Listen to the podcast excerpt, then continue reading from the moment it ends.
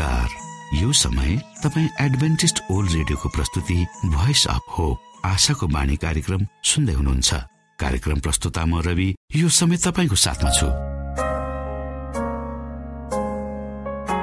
मानिस जातिमा देखाइएको परमेश्वरको प्रेम र अनुग्रह तपाईँसँग बाँड्ने उद्देश्यले प्रस्तुत कार्यक्रम तपाईँको आफ्नो प्रिय कार्यक्रम आशाको बाणीमा यहाँलाई हामी न्यानो स्वागत गर्दछौ। आशाको बाणीको आजको प्रस्तुतिबाट पनि तपाईँले परमेश्वरसँग नजिक रहेको अनुभूति गर्नुहुनेछ भनेर हामी आशा राख्दछौ। आउनु श्रोता यो मधुर भजनसँगै हामी हाम्रो मुख्य कार्यक्रमतर्फ लागौ।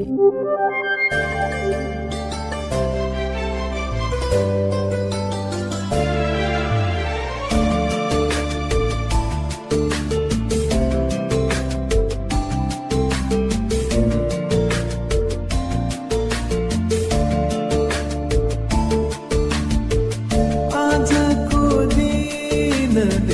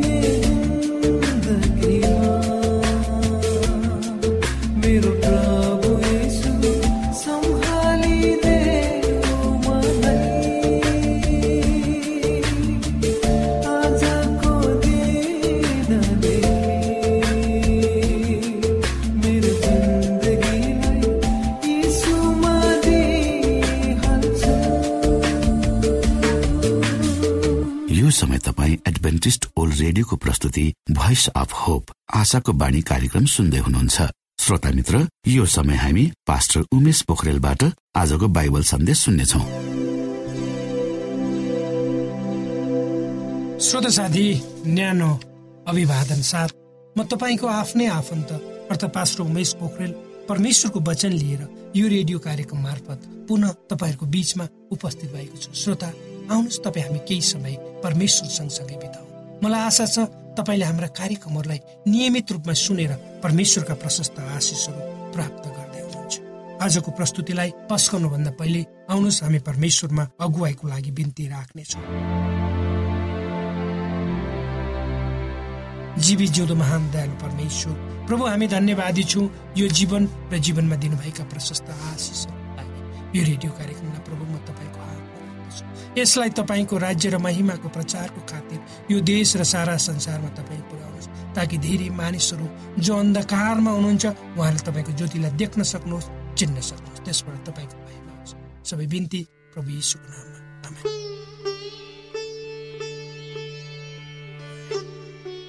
श्रोत साथी परमेश्वरले समयको पूर्णतामा आफ्नो पुत्रलाई यो संसारमा पठाउनु भयो भनेर पवित्र धर्मशास्त्र बाइबलले स्पष्ट रूपमा भनेको छ। वा प्रभु यीशु क्रिस्टको विषयमा। एउटै श्रीबाट व्यवस्थाको अधीनमा उहाँलाई आफ्नो पुत्रलाई परमेश्वरले संसारमा पठाउनु आउनेवाला मुक्तिदाताको विषयमा अदनको बगैँचामा पहिलो प्रतिज्ञा गरिएको थियो आदम र हवाले त्यो प्रतिज्ञा सुने र छिट्टै पुरा हुन्छ भनेर उनीहरूले पनि बाटो हेरिरहे। उनीहरूको पहिलो छोरो जन्मदा उहाँ नै मुक्तिदाता हो कि भने उनीहरूले खुसी पनि मनाए। आदम र हवा उनीहरूका छोराछोरी र तिनीहरूका पछि छोराछोरीहरूले पनि मसिहलाई नदेखिकन मरे।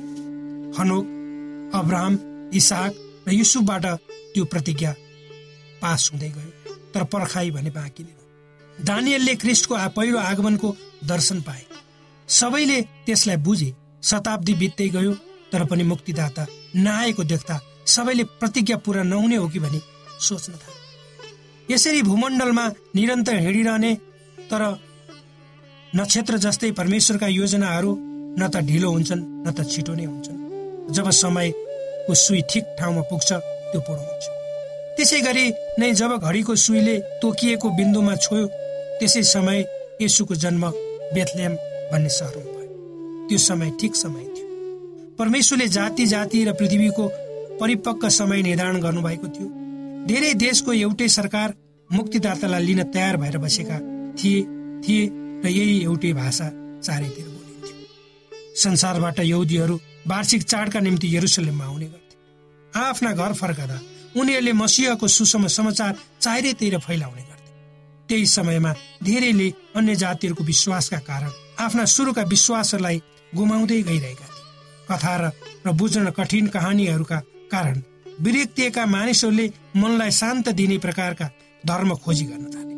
परमेश्वरको सच्चाई धमिली रहेको समयमा उनीहरू प्रकाशको खोजीमा थिए। उनीहरू साँचो परमेश्वरको खोजीमा थिए। जब यहुदीहरूले परमेश्वरलाई पछ्याउन छोडे तब जुन प्रकाश चारैतिर फैलनु पर्ने थियो त्यो एउटा दियो झै बनेर सीमित रहनु थोरैले मात्र भविष्यको जीवनको आशा र विश्वासलाई जोगाउन सके। धेरैको लागि जीवन मृत्यु अनिश्चिन्ता र अँध्यारोको कुरो थियो। कसैले उनीहरूलाई यस विषयमा बताउन् र आशा दिउन् भन्ने उनीहरू चाहन्थे। यहुदीहरूभन्दा बाहिर देशमा कसैले मसिया आउने भविष्यवाणी गरे गरेर सच्चाइको खोजी गरे। उनीहरूले बुझ्न सक्ने सच्चाइ परमेश्वरले दिनु।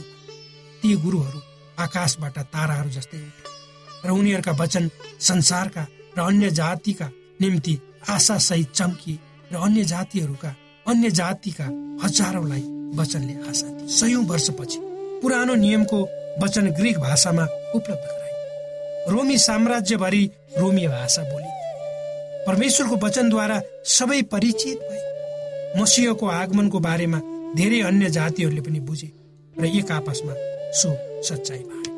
केही कोही अन्य जातिहरूले यहुदी धर्मगुरुहरूभन्दा राम्रोसँग वचनका भविष्यवाणीहरू बुझ्न सक्छ।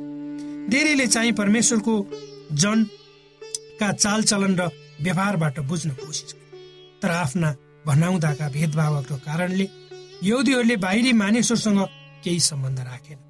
यहुदीहरूले अन्य मानिसहरूबाट आफूलाई छुट्टै पर्खालभित्र यसका निम्ति एउटा नयाँ शिक्षक एक साँचो शिक्षक आएपछि मात्र यी सब कुराहरूलाई व्याख्या गर्न सक्नुहुन्थ्यो परमेश्वरले सनातनदेखि संसारका विभिन्न माध्यमद्वारा बोलिरहनु भएको छ। यी कुराहरू प्रकृति र विभिन्न चिन्हहरू अथवा अथवा भविष्य वक्ताहरूद्वारा पुरा गएको छ। प्रकृति र अगुवाहरूद्वारा उहाँले बोल्नुभयो। अब अझ स्पष्टसँग बोल्ने समय आएको छ। यसो संसारमा आउनु नै पर्ने थियो। त्यसपछि उहाँको वचन उहाँको जीवनद्वारा परमेश्वर र उहाँको मुक्तिको उपाय देखाउन सक्नुहुन्थ्यो यहुदी कालमा असल विश्वासीहरू थिए। पवित्र वचनका कुराहरूद्वारा उनीहरूले एक परमेश्वरद्वारा नियुक्त जन र एक शक्तिशाली राजकुमार आउनुहुनेछ जसले उहाँका जनहरूका उद्धार गर्नुहुनेछ भनेर बुझेका उनीहरूको राष्ट्र पिता याकुबले उनीहरूलाई छुटकारा दिन आउनुहुनेछ र उनीहरूको राष्ट्रको शक्ति रोमीहरूको फलामे शासनका अगाडि हाँसिरहेको समयमा मसिया आउनु पर्ने हो भनी सोचेका थिए। थोरैले मात्र यसुको साँचो कार्यको उद्देश्यको विषयमा बुझेका थिए। अन्य धेरैले चाहिँ एउटा शक्तिशाली युद्ध आएर इसरायलीहरूलाई स्वतन्त्र गराएर विश्वको एउटा शक्तिशाली राज्य बनाउनुहुन्छ भनेर सोचेका थिए। साथी जब ठिक समयको विषयमा उनीहरूको सोच उचित थियो समय आइसकेको थियो। युगौँदेखि स्वर्ग र पृथ्वीलाई अलग पार्ने सैतानले विभिन्न काम गरिरहेको थियो। उसका छलहरूले मानव जातिलाई पाप गर्न लगायो परमेश्वरको धैर्यको जाँच गर्न खोजियो। मानव प्रति परमेश्वरको प्रेम नाश गर्ने प्रयत्न गर्यो परमेश्वरले संसारलाई सधैँको निम्ति त्यागी दिउन् मानिसलाई छोडिदिउन् भन्ने उसको चाहना थियो। परमेश्वरको विषयमा सच्चाइ म बुझ्न सक्छु भने त्यसले काम गर्यो। यतिसम्म आइपुग्दा संसारलाई उसकै पुरै नियन्त्रणमा राख्न पनि ऊ सफल भएको। भनी महसुस गरे सबै कालमा परमेश्वरका केही विश्वासीहरू रहने गर्दछ अन्य जातिहरूमा पनि जनहरू थिए जसद्वारा यसुले उनीहरूको दुष्ट र दुःखपूर्ण जीवनमाथि उठाउनु भयो र तिनीहरूलाई खेदो र घृणा उनीहरू निकै दुःखसित मारिए। सैतानले फैलाएको कालो छाया सारा संसारभरि फैलिँदै गयो। अन्धकार झै संसारका धेरै जङ्गली धर्महरूद्वारा सैतानले मानिसहरूलाई परमेश्वरबाट टाढा पुर्याए। यसको सबैभन्दा ठुलो विजय चाहिँ इसरायलमा परमेश्वरको धर्म मान्नबाट रोक्नु थियो। उनीहरू आफ्नै हातले बनाएका वस्तुहरूलाई पुज्नाले अन्य जातिहरू परमेश्वरका आज्ञाबाट टाढा पुगिसकेका थिए। देखिएका कुरा इसरायलीहरूमा पनि यस्तै भयो। मानिसहरूले आफ्नै कार्यद्वारा आफूलाई बचाउन वा उद्धार गर्न सक्छन् भन्ने कुरा सबै अन्य धर्महरूमा पाइन्छ। सैतानको परिश्रमले गर्दा यहुदी विश्वासको केन्द्रबिन्दु पनि यही भयो। आफ्नो धर्मलाई अरूको धर्मबाट अलग राख्ने प्रयासमा परमेश्वरको महिमालाई सीमित राखेर संसारलाई बचाउन परमेश्वरमा उनीहरू पूर्ण रूपले समर्पण भएन। बरु यसलाई नाश गर्न सैतानको कार्य गर्न थाले। उनीहरू परमेश्वरलाई मानिसले नबुझुन् भन्ने प्रयासमा लागि परमेश्वरलाई निष्ठुरी को रूपमा प्रस्तुत गरे। मन्दिरमा आराधना गर्ने परमेश्वरका पुजारीहरूले पनि परमेश्वरको आराधनामा केही महत्व भेट्टाएनन्। मञ्चमा काम गर्ने कलाकारहरू झै उनीहरूले आफ्नो काम मात्र आराधना समर्पित मानिसलाई परमेश्वरतर्फ लैजानेको सट्टा उनीहरूको मन कठोर बनाए उनीहरूको मस्तिष्कका ढोकाहरू थुनिए यस्ता विधिहरू र चलनद्वारा परमेश्वर मानिसहरूसम्म पुग्न सक्नु परमेश्वरको पुत्रले पापको कारणले गर्दा आएको दुःख र कष्ट देख्नुभयो। कसरी मानिसको सैद्धान्तिक क्रूरता भ्रष्टता हत्या र पापमा मानिस पीडित भइरहेको छ सो देख्नुभयो छल गरिएका दुविधामा परेका उनीहरू एक नाश आशा रहितको अनन्तको नाशतिर बढिरहेका थिए जीवन रहितको मृत्यु बिहानको आशा रहित थियो। परमेश्वरको वासस्थान हुनुपर्ने मानव शरीर सैतानका घरको घर भयो। अचम्मको दैवीय शक्ति कलाद्वारा मानिसको सोच र विचारहरू दूषित पारिएको थियो जसले गर्दा मानिसहरू तल्लो स्तरको कुरा गर्न थालेका मानिसको अनुहारबाट दुष्टको आँखा देखिन थाले। जब परमेश्वरले तल आफ्ना छोरा छोरीहरूलाई हेर्नुभयो उनीहरूलाई यस्तो अवस्थामा देख्नुभयो कस्तो हृदय विधारक दृश्य। पाप विज्ञान भएको र दुष्टता चाहिँ उनीहरूको धर्मको एक अंश भएको परमेश्वर बिना मानव जातिमा कुनै आशा थिएन। अरू संसारले परमेश्वरको अगाडि बढेर संसारलाई चोखो बनाउनुहुन्छ कि दुष्ट मानिसलाई नाश गर्नुहुन्छ भनेर हेर्न थाले। सैतानले पनि त्यही हेर्न थाले। स्वर्गबाट आशा राख्नेलाई जित्ने उसको योजना थियो। उसले परमेश्वरको राज्यमा क्षमादान असम्भव छ भनेर भनेको थियो। यदि मानव जातिको नाश गरिएको भए सैतान विजय भएन भन्ने थियो। त्यही नै प्रमाण थियो। परमेश्वरसँग विद्रोह गर्ने ऊ ठिक समय खोजिरहेको तर परमेश्वरले संसारलाई नाश गर्नुभन्दा आफ्नो छोरो बलिदानको निम्ति पठाउनु। सैतानले चाहिँ जित्ने लागेको समयमा परमेश्वरले दया र प्रेम देखाउन यसु त्यहाँ आउनुभयो। जब ठिक समय पुरा भयो परमेश्वरले निको पार्ने दयाको कोलो बगाउनु भयो जुन मुक्तिको योजना पूर्ण नहुन्जेलसम्म लगातार बहिरहन्छ। परमेश्वरले यी वचनहरूद्वारा तपाईँ र मलाई आशिष दिउन् आउन्।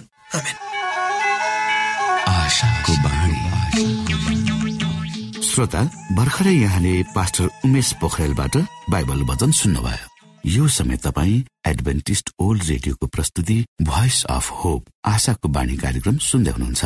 कार्यक्रम सुनेर बस्नुहुने सबै श्रोतालाई हामी हाम्रो कार्यक्रममा स्वागत गर्न चाहन्छौ। श्रोता मित्र यदि तपाईँ जीवनदेखि हरेस खानु भएको छ तपाईँका जीवनमा धेरै अनुत्तरित प्रश्नहरू छन् भने आउनुहोस् हामी तपाईँलाई परमेश्वरको ज्योतिमा डोहोऱ्याउन चाहन्छौ र तपाईँ आफ्नो जीवनका चिन्ता फिक्रीबाट निश्चिन्त हुनुहोस् र बाँच्नुको आनन्द परमेश्वरको सामिप्यमा कति मिठो हुन्छ त्यो चाख्नुहोस् भनी हामी चाहन्छौँ। श्रोता यदि तपाईँ आशाको बाणी कार्यक्रमलाई अनलाइन सुन्न चाहनुहुन्छ वा डाउनलोड गर्न चाहनुहुन्छ भने ओआरजीमा जानुहोस्। त्यहाँ तपाईँले प्रत्येक दिनको कार्यक्रम सुन्न र डाउनलोड गर्न सक्नुहुनेछ। हाम्रो वेब पेज यस प्रकार छ डब्लु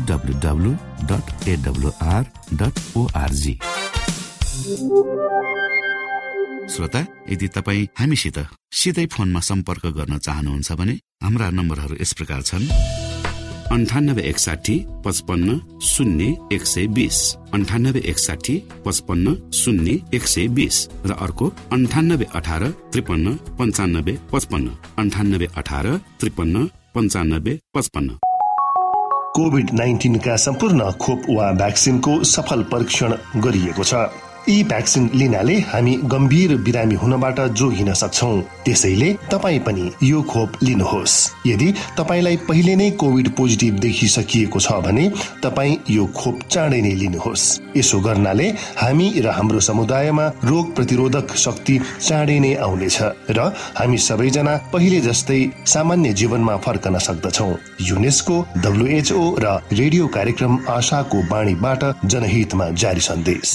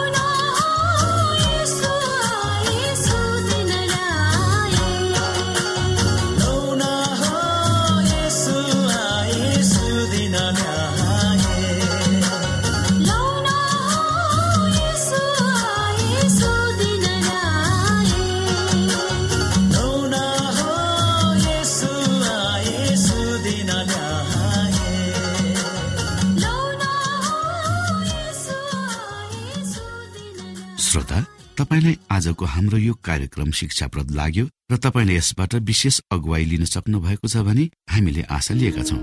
हामीसँग पत्राचार गर्ने हाम्रो ठेगाना यस प्रकार छ।